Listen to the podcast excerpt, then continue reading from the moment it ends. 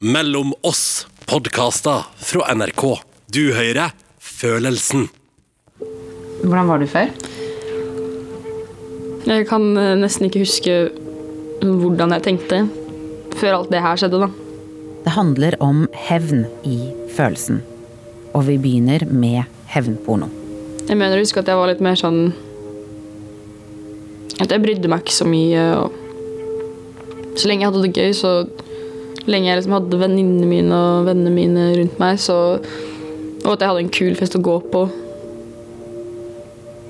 Så ja, det var det som var det viktigste for meg, da.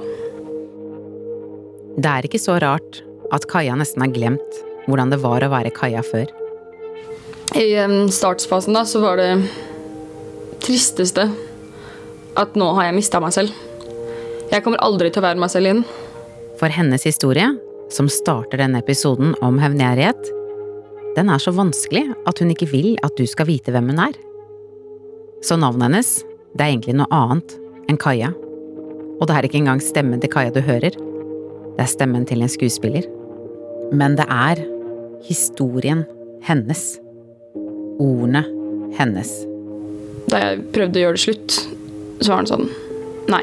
Enten så fortsetter du å være sammen med meg, eller så skal jeg ødelegge livet ditt. For å være brutalt ærlig så håper jeg egentlig at han dør. For eh, det er den eneste måten jeg vet at han kommer til å slutte. Hevnporno, det var det første jeg tenkte på da jeg skulle finne historier om hevngjerrighet. At det må være noe av det aller verste å oppleve. At en du har elska, tar noe som egentlig skulle være bare dere to, så deler de dem med alle på pornonettsider. Når jeg går rundt omkring i byen, da, så føler jeg at de, liksom, at de har hatt sex med meg, uten at jeg har hatt sex med dem. Kaja skal fortelle sin historie, men etter det, da skal du og jeg ta et lite oppgjør med oss selv. For vi, og nysgjerrigheten vår, den spiller en veldig ekkel rolle når noen opplever at nakenbilder blir spredt rundt på skolen, i gjengen og på nettet. For det meste av det der, det er nemlig ikke hevnporno. Senere skal vi også se på hevn i storpolitikken, for hevn brukes ofte som begrunnelse for militære angrep eller massakrer. Men forsker Cecilie Hellestveit mener at alt pratet om hevn, det skjuler det som egentlig skjer bak i kulissene. Så veldig ofte sant, så er hevn eh, en sånn generell følelse som tåkelegger veldig mye av det maktspillet som foregår eh, under overflaten. Men nå skal vi tilbake til Kaja. Hun sitter rett overfor meg. Hun har lyst, langt hår i en hestehale. Hun er i begynnelsen av 20-årene. Hun er høy, pen, tøff, men med en veldig søt, nesten litt uskyldig stemme, som ikke passer helt med det blikket som er fullt av alvor når hun prøver å huske tilbake til før. Før, det er ca. tre år siden. Kaja er i LA. Og livet, det er uten bekymringer. Det er fester, være på stranda, være med venner, ikke bry seg med alvorlige ting. Bare ha det gøy. Da hadde jeg liksom festa fire dager i uken, og det var liksom det eneste jeg brydde meg om. Der da, oh. Nå har jeg det gøy. Nå er jeg masse på stranda. At det var liksom sånn kortvarig glede som var målet i livet mitt. Så lenge jeg hadde det ok selv, så var det liksom ikke så farlig.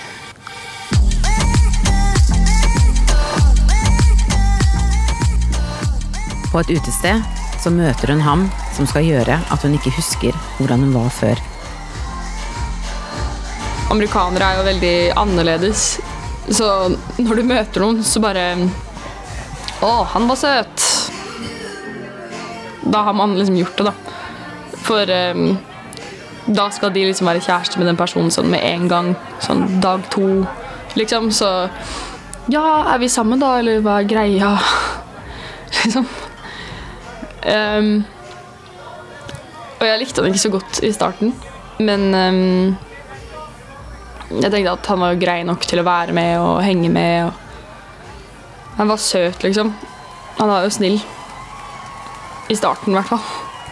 Men så, så endrer han seg. på slutten av det året jeg bodde i USA, da han allerede hadde begynt å bli voldelig Han hadde vært utro i sånn tre måneder og ble sinnssykt sjalu, og jeg ble helt fanga. Og Kaja, hun lever plutselig ikke i drømmen i California lenger. Han nektet å la meg dra ut, han nektet å la meg se venner, og jeg fikk ikke lov til å møte andre gutter. da. Og eh, da jeg prøvde å gjøre det slutt, så var han sånn Nei. Enten så fortsetter du å være sammen med meg, eller så skal jeg ødelegge livet ditt. Kaja klarer å gjøre det slutt. Hun flytter tilbake til Norge. Men da starter det som har vært et pågående mareritt i to og et halvt år. Eh, Jeg fikk en melding på Facebook midt på natta av eh, et veldig typisk norsk navn. da. Ikke noe profilbilde og, og ingen venner. Og så sto det bare video av deg og en link. Og jeg trodde jo at det liksom var spam, men um, så var det noe som gjorde at jeg liksom trykket på det. da. Først så liksom Så tenkte jeg sånn Nei, øh, det der er ikke meg, liksom. For jeg visste jo ikke at han hadde en sånn video. Men øh, han hadde tatt det opp uten at jeg visste det. Først tenker Kaja at hvis jeg bare får bort den ene videoen, så trenger jo ingen å få vite om det. Jeg tenkte bare å fjerne det og aldri snakke om det igjen. Men øh, det var jo ikke så lett. jeg fikk um, levert inn et sånt skjema, da. Om at jeg ikke har godkjent den her videoen, og at dere må slette den. Og etter en dag, da, så ble den jo sletta. Men dagen etter igjen, så la han den ut igjen.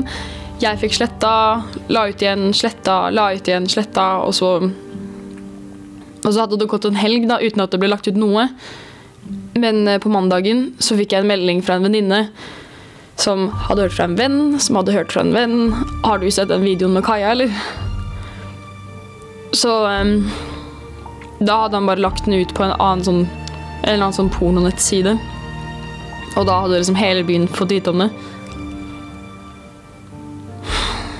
Og han hadde lagt ut med fullt navn og adresse og Og jeg er ganske sikker på at det er 90% av de som er mellom 16 og 25 i hjembyen min, som har sett den videoen. Eller sånn visst om den. Og sånn har det vært. I to og et halvt år for Kaja. Hun får videoer slettet, han legger ut på nytt. Det er jo det som liksom er så vondt, da. Sånn Noe som bare skal være meg og kjæresten min. Noe av det mest intime blir på en måte bare sånn exposa til alt og alle. Jeg føler at når jeg ser alle i øya, eller sånn Når jeg går rundt omkring i byen, da, så føler jeg at de, liksom, at de har hatt sex med meg. Uten at jeg har hatt sex med dem.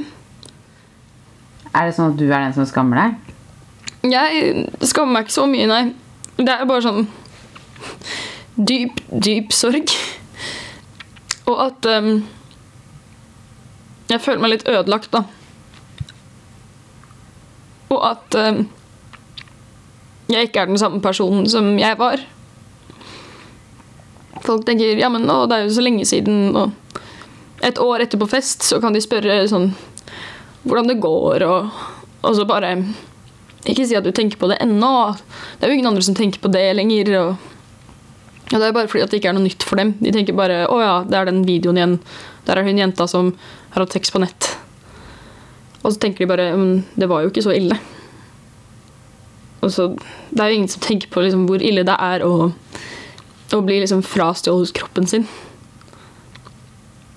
Det er jo som at hver gang det skjer, så blir jeg liksom sparka, da, mens jeg ligger nede. Og én ting er at ekskjæresten i USA fortsetter med disse overgrepene mot Kaja, men det som er nesten like vondt, det er at Kaja føler seg sveket av sine nærmeste også. Altså Jeg har jo Å, det er vanskelig å snakke. jeg har veldig mange nære venner. em, som jeg har hatt hele livet, da. Men eh, likevel så var det bare en av dem som faktisk ikke har sett videoen. når alt det der skjedde, så spurte jo alle Å, hva kan jeg gjøre? Si hvis det er noe jeg kan gjøre. Og så er det den ene tingen man kunne gjort. Droppe å se den videoen. Jeg tror mange folk tenker sånn Hun får jo ikke vite at jeg har sett det. Det går jo på views på sånne pornonettsider. Så jo flere som ser det, uansett om du kjenner meg eller ikke, så tjener han penger på kroppen min akkurat nå. Hvis jeg møter noen nye folk etter at det skjedde, da, så var det alltid Ja, men forresten, jeg hørte om den videoen av deg. da, Hva skjedde egentlig? Og, og alle vil bare vite alt. Det er som et sånt um, reality-program hvor det er sånn tragisk, men folk vil jo bare vite hva som skjer likevel. De bryr seg liksom ikke egentlig om hvordan jeg har det, og de vil bare vite sånn hva som skjer og sånn. Så at de kan vise at de bryr seg, og at, liksom sånn at de får en god følelse.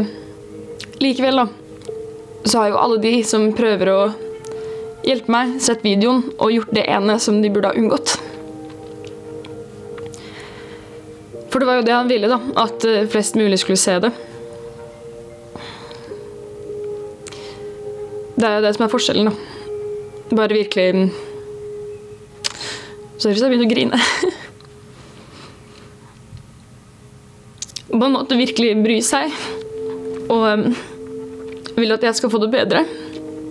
Og Liksom Og virkelig hjelpe meg.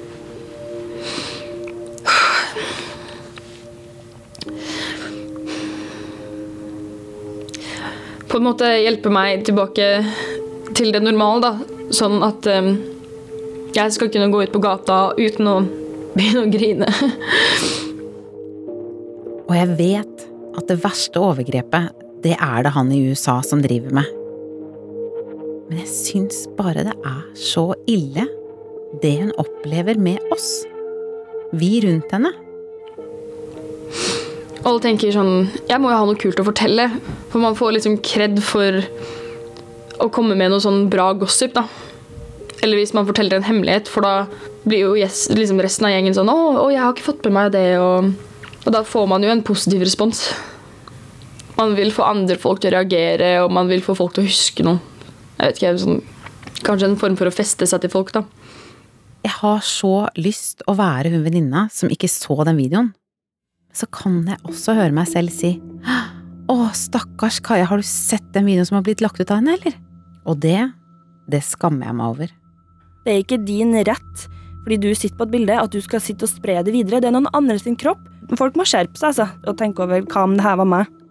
Mia Landsem er bildetyvjeger. Du husker henne kanskje fra saken med håndballspiller Nora Mørk?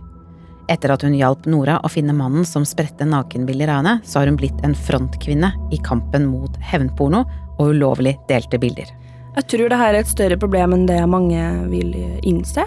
Eh, Kanskje de ikke vil eh, tenke over det, fordi det kan være tungt. Samme gjelder det med overgrep mot barn og barnepornografi på nettet. Det skjer mer enn det hverdagsen eh, skjer. Hun holder foredrag, TED Talks, og har akkurat skrevet boka Trygg på nett, som er retta mot barn og gir råd til folk som opplever bildeovergrep på nett. Jeg får eh, mellom to til seks mailer eller meldinger om bildespredning eller lignende hendelser hver eneste dag. Og hvis man da teller opp hvor mange det er i løpet av et år, så eh, snakker vi over 1000. Og en av dem som tok kontakt, det var Kaja. Kaja sin historie er jo veldig ekstrem. Eh, Det er de mest ekstreme og mest eh, skremmende sakene jeg har fått. Det viser virkelig hvor eh, ille og hvor langt visse folk vil gå, da. Og i Kaja sin sak så har jo også gjerningspersonen laga falske Instagram-profiler med hennes ekte navn. Med hele navnet, og begynt å fulgt vennene hennes og folk fra hjembyen. Og da vil jo folk se det, og screenshotte og tenke hva er det her, hva er det hun legger ut? Fordi de rett og slett trodde det var hun. Eh, og så spres det jo rundt bare shit, har det skjedd det bildet her av Kaja, eller? Um, og det kan man tenke seg litt om, så er det ganske menneskelig. Um, men samtidig så er det ikke noe folk tenker så mye over da, før de gjør det. Og det er det som er problematisk. Hva slags type hevn er hevnporno, tenker du? Det er en grusom hevn. De jeg snakker med, er helt ifra seg. De er suicidale, de er deprimert, de har angst. De vil ikke gå ut døra si, de vil ikke dra på byen, de vil ikke åpne sosiale medier. De får vondt i hjertet hver gang de får en meldingsforespørsel eller venneforespørsel. Man tenker at alle rundt deg har sett det bildet eller videoen, og du føler deg veldig, veldig sånn liten og veldig alene. Jeg har et eh, offer som snakka om at hun hadde opplevd overfallsvoldtekt to ganger. Hun sa at det var, opp, det var ferdig på 30 sekunder, men bildeovergrepet mitt har holdt på i fem år, og det føles som jeg blir voldtatt gang på gang på gang hver gang jeg får en melding i innboksen min.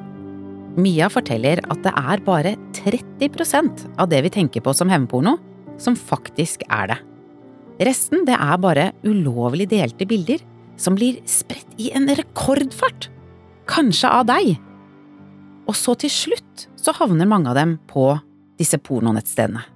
Og folk sier til meg ja, jeg har noen jeg vet om som driver med sånn, så jeg ja, men hva sier du da til dem? Nei, ingenting, jeg tør ikke. Og så er det den derre La oss si at det er en guttegjeng på ti personer, én drar opp et nakenbilde, se, på Kaja, eller se på Mia, ha-ha. Og så er det egentlig fem, kanskje av dem ti rundt, som syns det er ubehagelig, og tenker at det her syns jeg ikke er kult, og det handler om å si ifra. Det handler om gruppepress mot den personen. Du, det der syns jeg ikke er kult, jeg syns du skal slette bildet, og drite i det. Hver gang jeg ser at en fremmed på gata ser på meg ekkelt, eller catcaller meg, eller, eller sier noe ekkelt, da, så er det jo sånn Å ja, da er jeg bare den tingen, da. I stedet for at de ser liksom hjemmet til sjelen min. Så neste gang Vær hun ene venninna eller han kompisen. Ikke send det bildet videre. Ikke se på den videoen. Det syns jeg faktisk at vi skylder Kaja. Hvis du er en god venn, så gjør du ikke noe sånt. Det er jo det ene. Det å åpne og se den videoen, vel, det er kanskje, eh, kanskje ikke så overraskende, men det å spre det videre Da har man ikke tatt seg tid til eh, å skjønne hvilken lidelse man påfører den som blir utsatt for det. Huspsykologen vår, Karsten, er med oss denne gangen også, og han skal hjelpe oss videre, lenger inn i denne følelsen. Og han minner oss på at hevn, det er jo egentlig ikke noe vi driver med lenger. Over, over ganske lang tid i vår del av verden og i vår tid, så er jo hevn umoderne. Vi har satt det bort til rettsvesenet. Det er eh, staten som skal ta hevn, på vegne av oss. Og det er, eh, det er en problematisk side ved, ved rettsvesenet.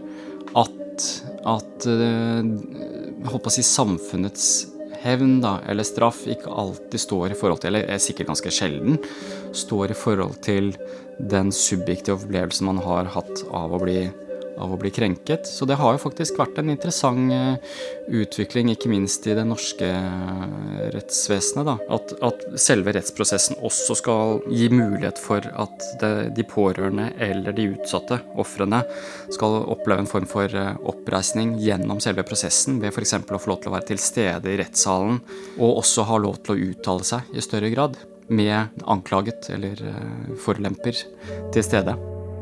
Og da kan man jo egentlig begynne å lure på hvorfor vi egentlig har disse primitive hevnfølelsene våre, som kan lage så mye skade. Og derfor er jo dette med hevn er jo veldig interessant. Eh, fordi hevn og sinne og aggresjon i det hele tatt er jo en måte å hente frem krefter i situasjoner der du blir angrepet på. Som i en del um, situasjoner er helt nødvendig at vi kommer i kontakt med. Sånn at hevn i en litt vid forstand er ikke nødvendigvis uh, uh, alltid dumt.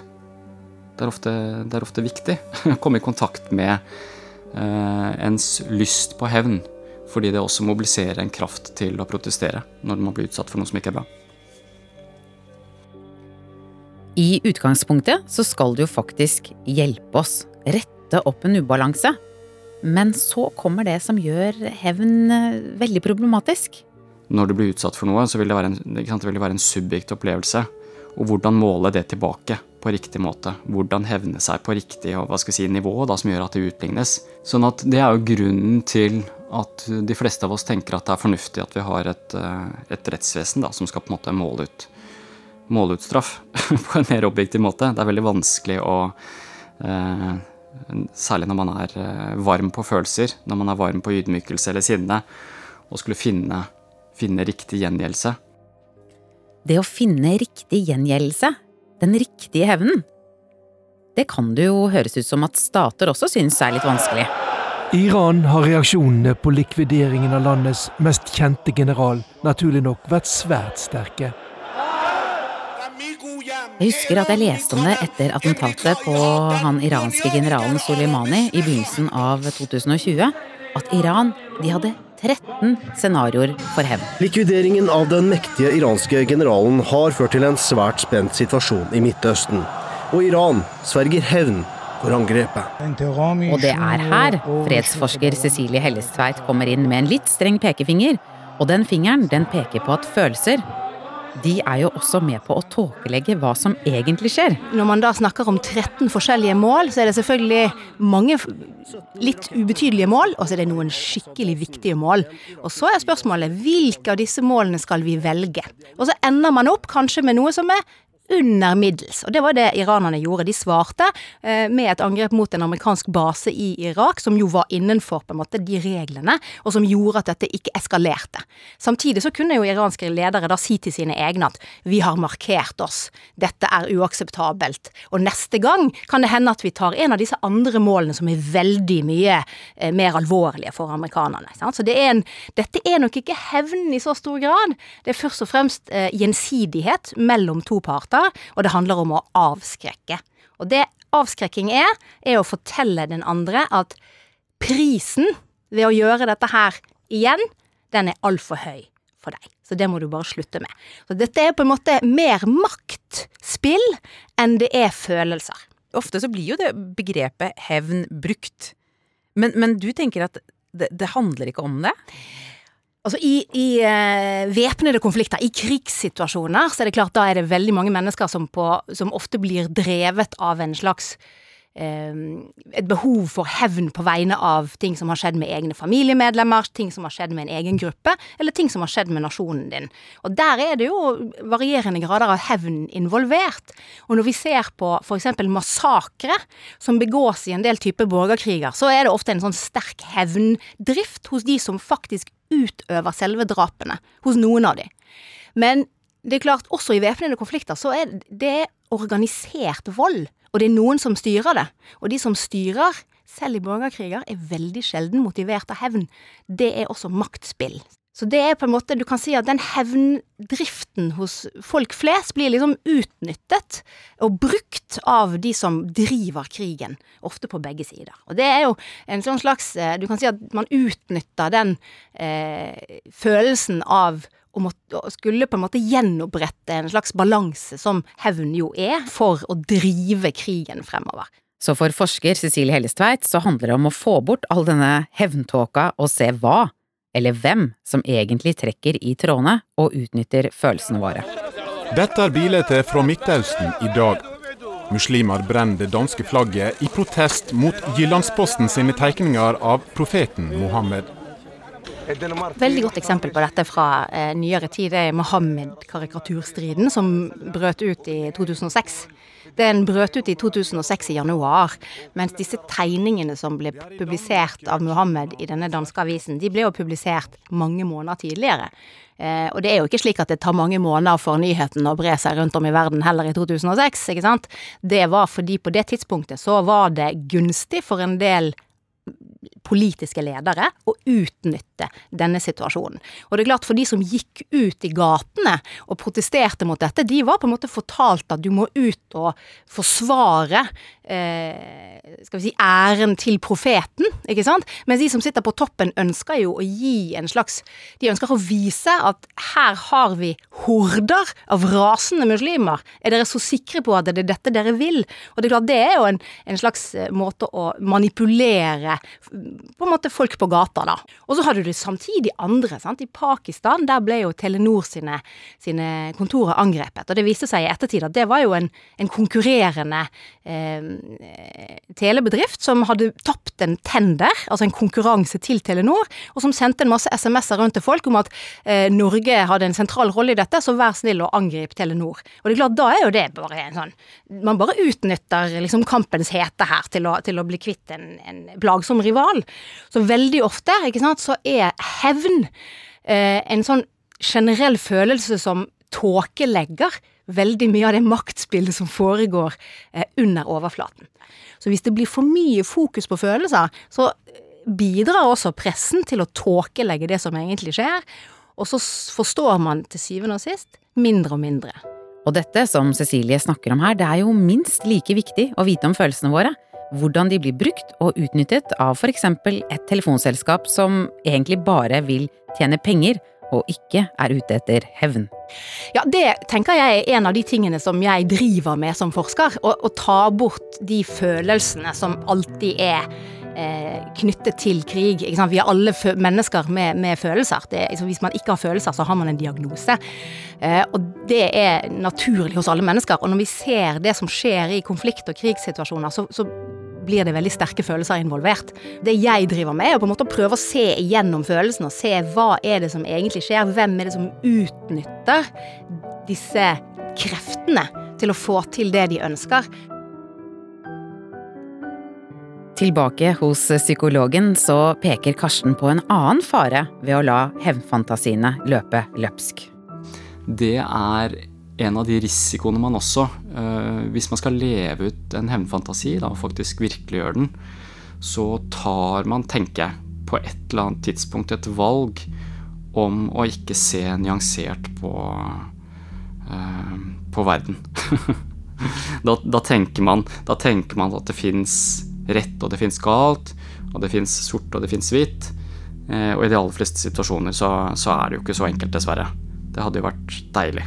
Og det er jo derfor det er så deilig å se eh, hevnfilmer, f.eks. At det kan være veldig godt. Der det bygges opp en opplevelse av uh, urettferdighet uh, som, skal, som, skal, hevnes. Um, så er det veldig godt å se når denne hevnen fullbyrdes. Og jeg vet ikke om det er fordi jeg har masse undertrykte hevnfølelser, men jeg elsker hevnfilmer. Og som jeg oppdaget da jeg begynte å tenke på det, jeg elsker særlig filmer med en kvinnelig hevner.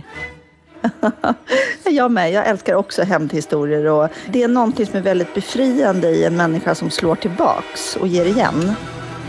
Nå for tiden så heter jo den kvinnelige hevneren Dolores i Westworld eller Cersei i Game of Thrones. Men da jeg og den svenske krimforfatteren Camilla Lekberg vokste opp, da var det en mindre attraktiv, mislykka husmor i Faye Weldons En hunndjevels bekjennelser som var den store helten. Jeg begynte å lese den som tonåring, og den berørte meg veldig veldig sterkt. Det her at man er på bunnen som kvinne og tar seg tilbake og tar, tar hevn, og gjennom det tar tilbake makten. Det er noe som tiltalte meg enormt mye. Så at en, en gang per år, en gang hvert annet år, så har jeg lest om den for å få den her litt arge kicken, adrenalinkicken som man får av å lese den. Jeg leste jo ikke boka, men filmen som var basert på samme historie, fra 1989. Der hvor du kunne se en utro ektemann og ikke minst rivalen Meryl Streep bare bli knust.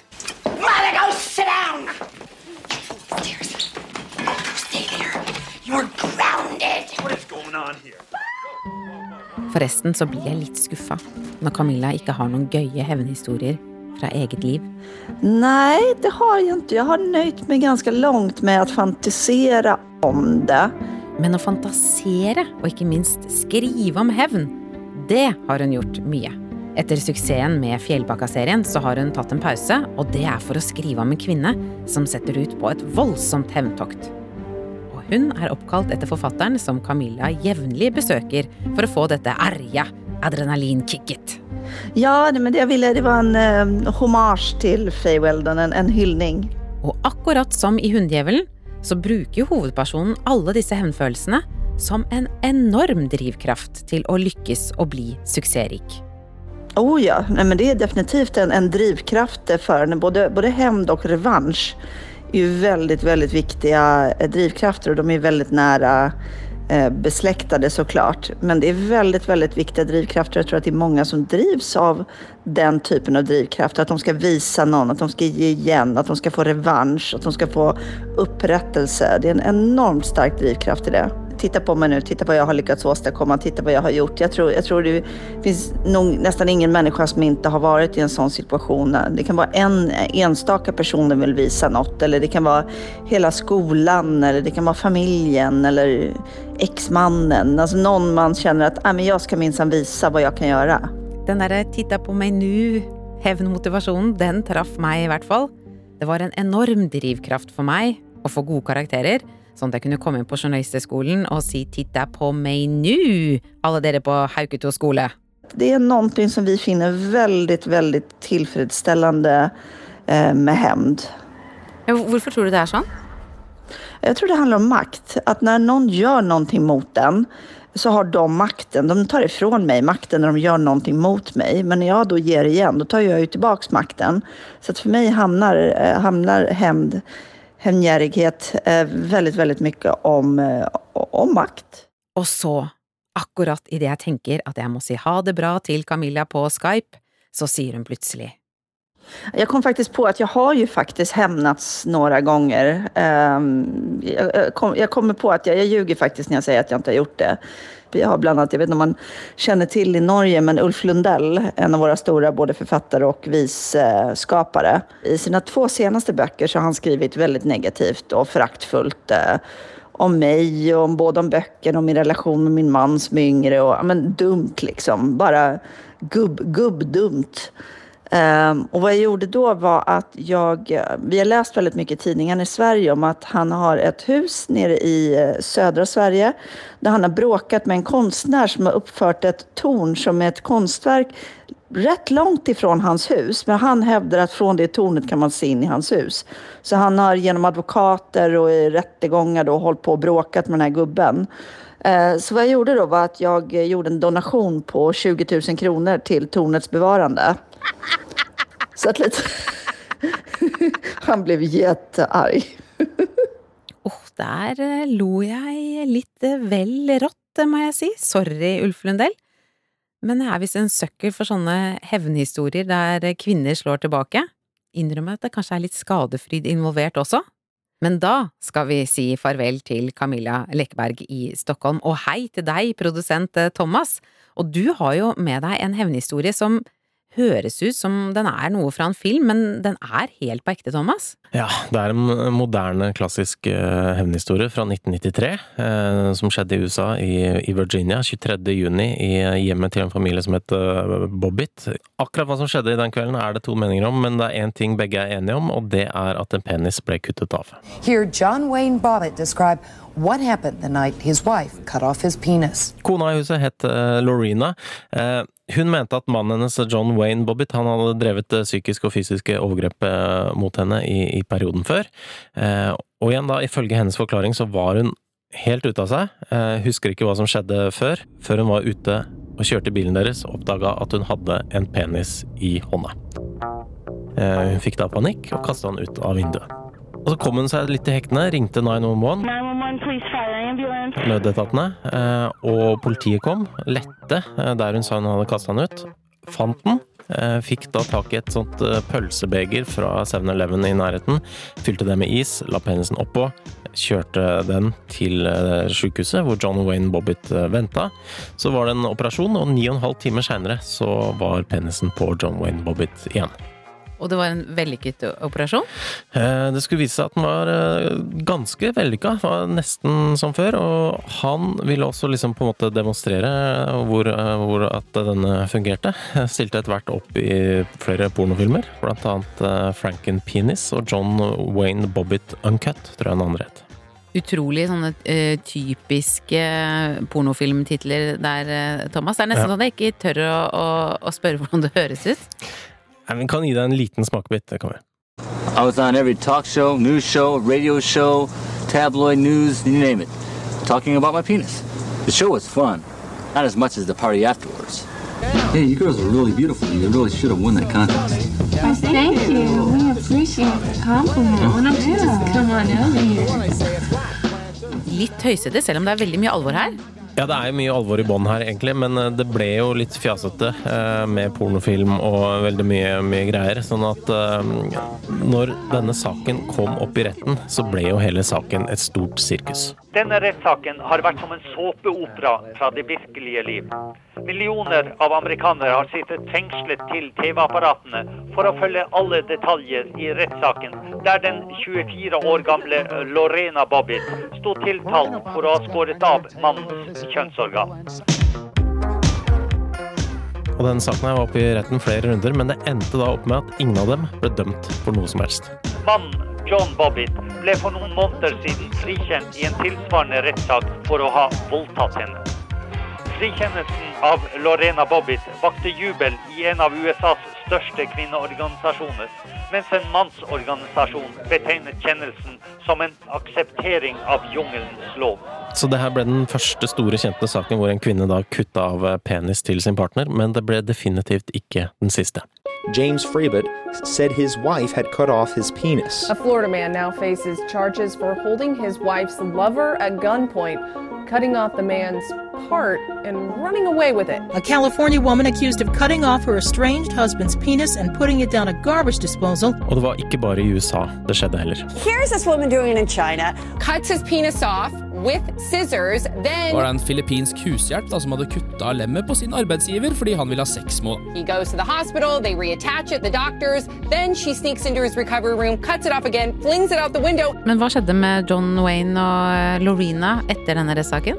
Nei, John Wayne han flytta jo da til Las Vegas for å, å blant annet ta opp eh, denne pornokarrieren. Begge ektefellene kan nå tjene seg styrtrike på TV-show og ukemagasiner, som vil ha enda flere detaljer fra ekteparets avskårne samliv. Tillegg så ble han jo havna han i fengsel flere ganger. Eh, Han eh, ble dømt for vold mot eh, ny kjæreste, fikk 15 døgn i fengsel for det. Han begynte å jobbe litt i wrestling etter hvert, eh, fikk seg andre småjobber. Så ble han dømt for vold mot sin tredje kone også, så det var, var mye der. Eh, Og så har han dukka opp i, i media og fortalt eh, sin historie med jevne mellomrom, blant annet for å betale en del sånne advokatregninger og, og, og sånne ting. Mens Lorena hun har liksom holdt seg helt unna rampelyset helt fram til i fjor, hvor hun da stilte opp eh, for en eh, ny serie som eh, gikk på Amazon, som heter Lorena, og som da dreier seg om hele denne historien. I didn't choose to be in the spotlight, but there's no going back. Men fortsatt så er det sånn at hver gang det dukker opp en sak i media om noen som har kutta av en penis, så blir navnet til Lorena Bobbitt nevnt. But we all remember Lorena Bobbitt. She was the Rosa Parks of cutting off people's penises that have done her wrong. Men det som kanskje vil bli stående som det varige minnet fra denne saken her, er at hun, eller pa- paret da, egentlig, de har fått en orm oppkalt etter seg. Det er en orm som ligger og lurer på bunnen av havet. Den har litt sånn sakselignende kjever, og når du merker at byttet er der, så klipper den tak i byttet. Deep on the ocean floor, the sand striker, or bobbit worm, waits. Fascinerende å høre om, men ekstreme ting som kutting av kroppsdeler, det er ikke aktuelt. Så hva skal vi gjøre med disse hevnfølelsene, Karsten? Det å, å, å erkjenne og legge merke til og tåle at jeg har disse følelsene og disse lystene, det tror jeg det er veldig viktig. De fleste av oss vil jo oppleve at, eh, at følelsene kjølner, og kanskje at de også hjelpes til å kjøle ned dersom vi får lov til å, å si, kose oss med hevn, hevnlyst og hevnfantasier en periode. Ok, som vanlig så må vi erkjenne. Og så kan vi kanskje la disse hevnfantasiene gjøre jobben. Men minst like viktig, si fra til den som startet det, at det der, det gjorde vondt. Men hevn kan jo være ulike ting. Man kan jo tenke på hevn som det å øhm, Det å si fra tydelig. øh, enten der og da eller på et senere tidspunkt. At det du gjorde mot meg, det er ikke greit, og jeg reagerer på den måten, og jeg finner meg ikke i det. Hvis vi går tilbake til der vi starta, tilbake til kaia, så føles jo alt egentlig for smått og for lite. Hun tror og håper at det blir rettssak i USA, og at han kommer til å slutte. Men jeg har faktisk blitt en bedre person i helhet. Hvis det går an å si det. Jeg må jo leve med å ha det litt jævlig hver dag, men Men det må man jo hvis um, man skal klare å ha medfølelse og forstå andre og, og kunne sette seg inn da, i hvordan de har det.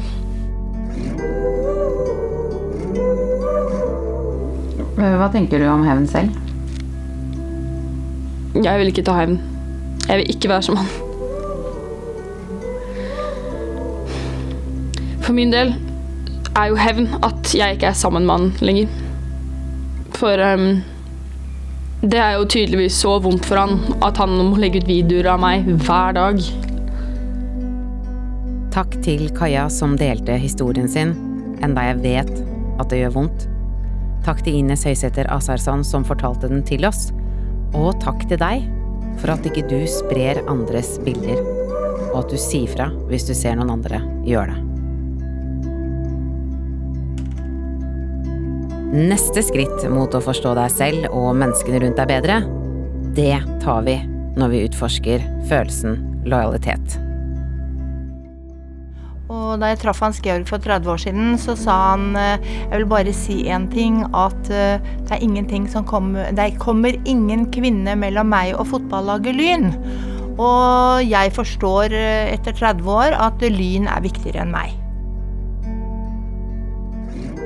Du vil vel ikke gå glipp av følelsen? Begynn å abonnere på NRKs nye podkastfeed. Den heter Mellom oss. Der får du hver eneste uke historier om en ny følelse. Har du lyst å høre mer om hva som egentlig skjedde da tolv tegninger satte verden i brann? Hør hele historien om Muhammed-karikaturene i NRK radioappen. Du har hørt en podkast fra NRK. Hør flere podkaster og din favorittkanal i appen NRK Radio.